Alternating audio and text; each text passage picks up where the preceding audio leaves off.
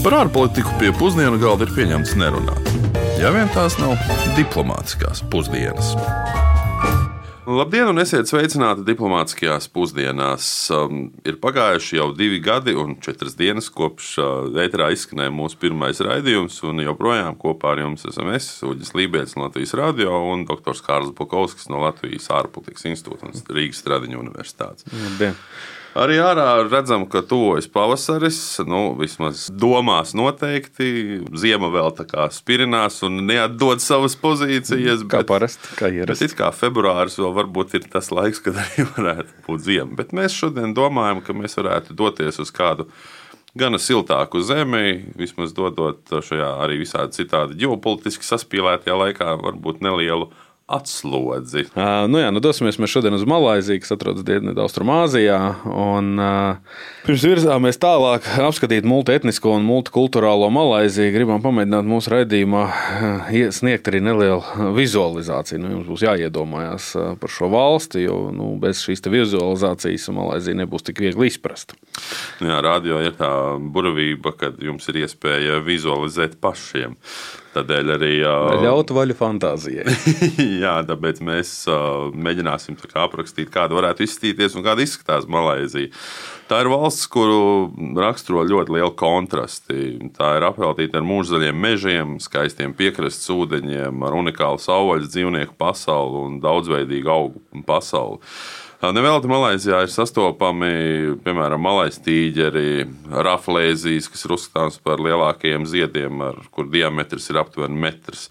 Tajā pašā laikā Malaisija raksturo arī bagātīga arhitektūra, modernas augstas celtnes. Nu, tā, piemēram, kā atcerēsimies kaut vai Petronas torņus, kas līdz pat 2004. gadam bija augstākā ēka pasaulē. Nu, kā 450 metri augsts. Starp citu, neskatoties to, ka Petronas torņi zaudēja savu pozīciju kā augstākā celtne, tā vēl aizvien pasaulē saglabā vietu kā augstākā dviņu ēka. Un kas ir vēl svarīgi runāt par Malaiziju, tad tā ir pašas valsts uzbūve. Nu, par šo mēs parunāsim arī vairāk, bet nu, klausītājiem būtu jāiztēlojas pavisam nepierast un neierast no mūsu skatu viedokļa valsts uzbūvi. Nu, pirmkārt, Malaizija geogrāfiski atrodas uz Malaizijas pussalas, Borneo salas un papildus salām, kas atrodas Borneo piekrastē. Otrkārt, Malaizija ir federāla, konstitucionāla monarhija. Līdz ar to tā sastāv no 13 štatiem, no kuriem 9 ir monarhijas un 4 tiek pārvaldīts ar gubernatoru palīdzību. Un Malaisijas teritorijā dzīvo apmēram 33 miljoni iedzīvotāji, no kuriem tikai puse ir malajieši. Otra puse veido dažādas mazākuma tautības, nu, piemēram, ķīnieši, indieši. Un, kas ir interesanti, tad valstī pamatreliģija ir islāms. Tas nozīmē, ka ir ķīniešu tautības ā, musulmaņi. Jā. Bet klausītājiem Malaisija varētu būt zināma arī uh, pēc um, aktīvās turisma nozares, un uh, arī ņemot vērā pašreizējos notikumus Ukrajinā, jāatgādina Malaisijas aviolīnija lidmašīnas notriekšana virs Ukrainas austrumiem, kā arī vēl viena pazaudēta šīs pašas avio kompānijas lidmašīna kaut kur aptuveni pie Austrālijas. Nu, jā, aizrunājāmies mēs nedaudz ar tevi, tādēļ tūlīt uzzināsim, ko par Malaiziju zinās sacīt mūsu klausītāji. Ar ko jums asociējas Malaizija? Malaisija. Nu, es domāju, tur ir džungļa eksotika. Nu, arī neesmu bijusi, bet labprāt aizbrauktu uz džungļiem. eksotika. Neko vairāk par to valsts nezinu. Laikam atpūta kurorts, jā, nepārtraukt nākt reklāmas par braucieniem uz Malaiziju. Tā kā jā, nu, laikam tas ir tāds priecīgs zeme. ar uh, atpūtu, ar um, siltajām zemēm, ar uh, skaistiem laikapstākļiem. Kaut kā tā. Nu, tā ir Āzijas valsts. Pēc esmu bijis Malaisijā kā turists. Tā ir interesanta valsts. Patika. À, nu, to es esmu dzirdējis diezgan vairāk. kā Tuvāk Āfrikai. Ar turismu, ar tām lidmašīnām abām, kas uh, viena nošāva un vienu, vienu pazuda. Jā, tā ir viena no lielākajām musulmaņu vairākuma valstīm pasaulē. atrodas kaut kur starp Ķīnu un Austrāliju. Nekad neesmu bijis tajā reģionā. Ļoti aptuvens priekšstats. Nu, varbūt kaut kas no literatūras. Nu, bija tāds pētnieks, kuks. Ja? Ar Malaysia Airlines, kas nokrita jūrā, ne ar ko īpaši citu neasējās. Malaizija man asociējās ar pirmo formulu, ar Sepangas trasi. Tur gan vairs posms nenotiek, bet pirms pāris gadiem vēl bija, bija interesants sacīksts. Nu, kā jau var noprast no iepriekš teiktā, tad uh, Malaisijas valsts uh, multietniskā un geogrāfiskā uzbūve pamatīgi ietekmē tās iekšpolitiku. Tādēļ nu, primāri gribētos parunāt par šo te, nu, ļoti sarežģīto, nu, bet arī ne mazāk aizraujošo iekšējo uzbūvi. Vēsturiski Malaisijas valsts uzbūve ir ietekmējusi, protams, tās būšanu par Lielbritānijas koloniju.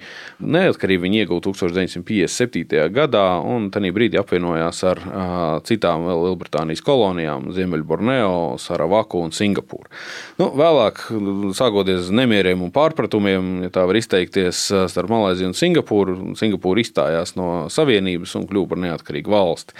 Tomēr vēl ar vienu pastāv teorija, nu, laikam arī nedaudz sazvērestības teorija, kas apgalvo, ka Malaisijas nosaukumā saiklis Si attiecas uz Singapūras valsts nosaukumu. Nu jā, tas ir angliskajā versijā, jo sākotnēji bija Malajas Savienība. Tātad Malasija, Malaisija. Nu, tā. mm. Lielbritānijas koloniālās varas mantojums ir cieši iesakņojies arī valsts pārvaldes sistēmā. Nu, piemēram, parlamenta pamatā ir Westminsteras sistēma, tas nozīmē divplātu parlaments.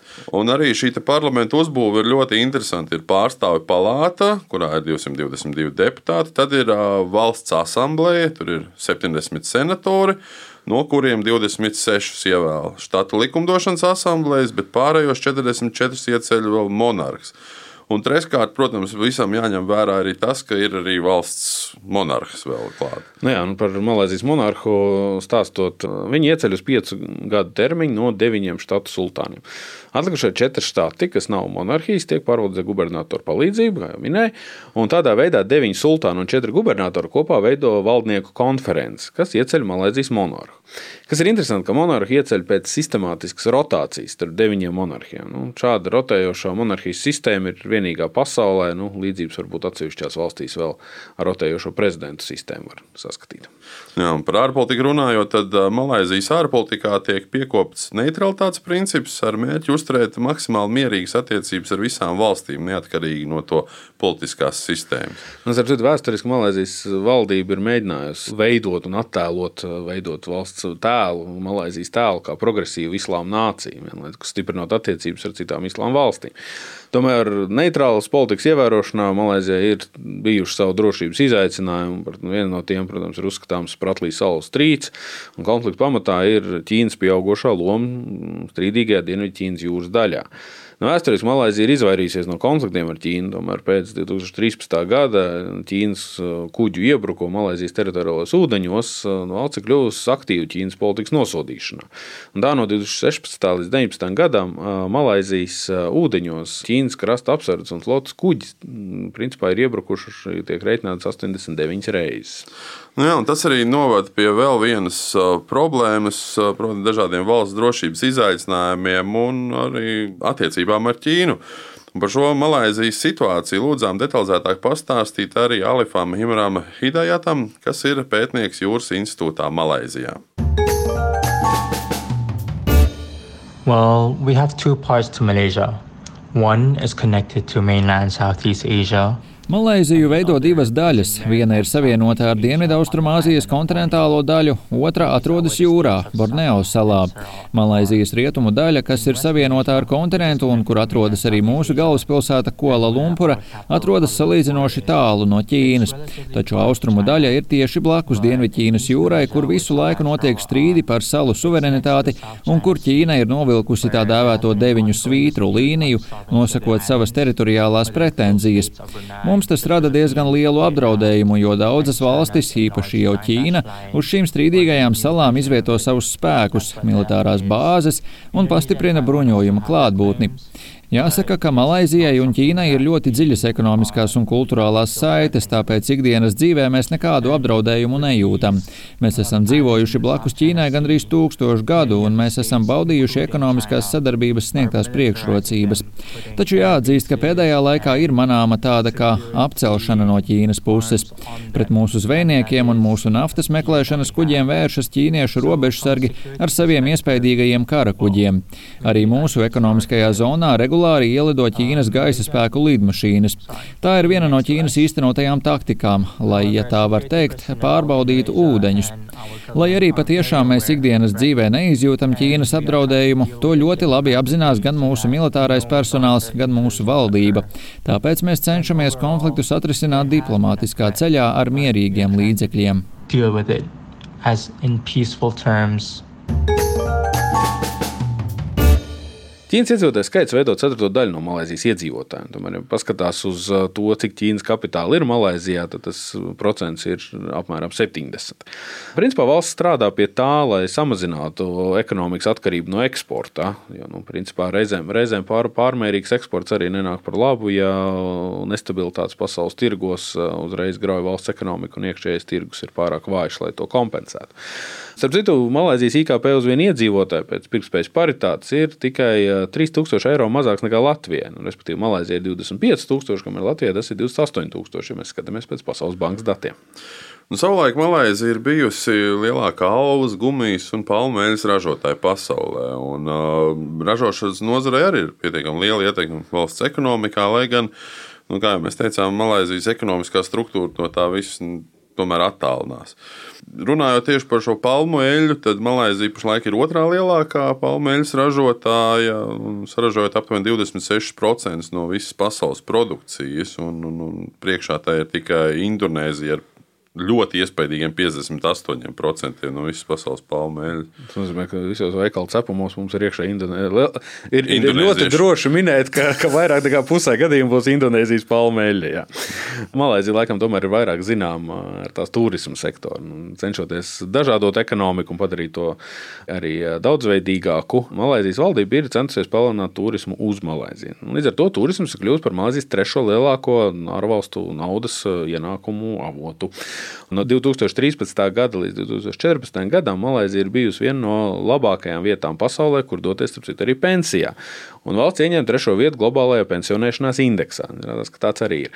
Šis indeks ir mēģinājums izpētīt faktorus, kas veicina pensionēšanās drošību un skatīties, kas tad ir tās labākās prakses pensionēšanās politikā. Nu, respektīvi, uz kurien tad cilvēki vēlas doties, lai pavadītu savus vecumdienas. Jā, valsts pat ļāva ārzemniekiem dzīvot valstī ar ilgtermiņa vīzu līdz pat desmit gadiem, un vēl 2016. gadā Malaisija ieņēma arī piekto vietu kategorijā pasaulē labākās pensijas oāzes, ja tā varētu teikt. Jā, the world's best retirement havens. Jā. Nu, vienlaikus ierindojoties arī pirmajā vietā, kā labākā vieta Āzijā, kur doties pensijā. Nu jā, šāds reitings patiesībā ņem vērā 23 dažādus faktorus. Nu, nu, pieņemsim, kā tiek raksturota emigrantu kopiena, cik viegli ir pielāgoties vienam cilvēkam, arī dažādiem seksuālo minoritāšu pārstāvjiem, cik pretīm nākoši ir vietējie iedzīvotāji, cik viegli runāt ir angliski nu, un daudz citu faktoru. Nu jā, nu, laikam, rezumējot par Malaisiju, var secināt, tas, ka valsts raksturo tās sarežģītā iekšpolitiskā un etniskā uzbūve, mēreni veidot ārpolitika, nu, ņemot vērā, atrašanās blakus milzīgam un spēcīgam kaimiņam un vienlaicīgi arī drošības draudam. Šajā gadījumā runa, protams, par Ķīnu. Un valsts siltais klimats apvienojumā ar Lielbritānijas koloniālo vēsturi ļauj ārzemniekiem, acīm redzot, viegli iedzīvoties valstī. Lai cik būtu paēdis, vienmēr ir vieta arī desertam. Nu, un viss šī raidījuma uzbūve jau liecina par to, ka nav tāda ļoti slikta lieta, kā mums parasti paliek uz deserta. Pēc, uh, parunāsim par ko saldu. Nu, varbūt atkal ne cik nu saldu, bet noteikti smaržīgu. Nu, desertam atbilstoši. Jā, nu, Malaisija ir valsts, kurā ir sastopams durians. Nu, tas ir auglis, kur nosaukums malajiešu valodā nozīmē augļu karalis. Viņam ir ārkārtīgi spēcīgs smaržs, kas var izraisīt vemšanu un sliktu dušu apkārtējos cilvēkus. Jā, nu, no otras puses, Malaisija ir sastopama arī augļu karaliene, mangostāna, kas ir tropu auglis, kas veido nu, tādu saltu, atvēsinošu sajūtu, nu, faktiski gan sasaldējot mēlus kārpiņus. Jā, nepavēlti saka, ka viss darbojas līdzsvarā, un, un, un Malaisijas zeme arī ir lielceļu valsts, kur tā īpatnība ir tajā, ka starp štatiem tie nu, visi savā starpā ir savienoti ar lielceļiem. Un uh, to kopgarums ir gandrīz 66,000 km. Un, uh, tas ir uh, vairāk nekā zemes apkārtmērs, kas ir nu, pāri 40 40 tūkstoši, jā. 75 ir zemes Jā. apkārtmērs. Uh, Un uh, valstī, starp citu, ir izveidots arī lielākais apaļveida krustojums pasaulē. Es domāju, ka jau mums Latvijā ar maziem aplīšiem ir izaicinājumi, kas varētu notikt, ja mūsu aizbraukt. Lielāk, lielākos apļos ir vieglāk braukt. Tev ir ilgāks laiks pārkārtoties. nu, labi, par ā, Zemi un kosmosu runājot. Ā, Malaisijas astronauts Šeiks Mušafārs Šukors bija pirmais astronauts, kas ievēroja savas misijas laikā 2007. gadā kosmosā Ramadānu. Neskatoties uz to, ka nu, kosmosa misijās tomēr ir diezgan strikti nosacījumi, ko tu drīkst darīt un kurā brīdī. Nu, Faktiski viņš tādā veidā kļuva par pirmo musulmani, kurš ir ievērojis Ramadānu kosmosā. Nu jā, un arī ar šo mēs šoreiz uh, raidījumu noslēgsim, bet nākamajā nedēļā mēs dosimies uz uh, nereti par piekto Latvijas etnogrāfisko novadu kultūra dēvēto novadu, īriju. Un atgādināšu tikai, ka mūsu raidījums ir klausāms gan podkāstos, arī Latvijas radio viens mājaslapā. Un, uh, Piebildīšu, ka mums raidījumu palīdzēja veidot uh, Ulris Česbergs un arī Aleksandrs Palkovs. Uz sadzirdēšanos pēc nedēļas. Lai izdodas!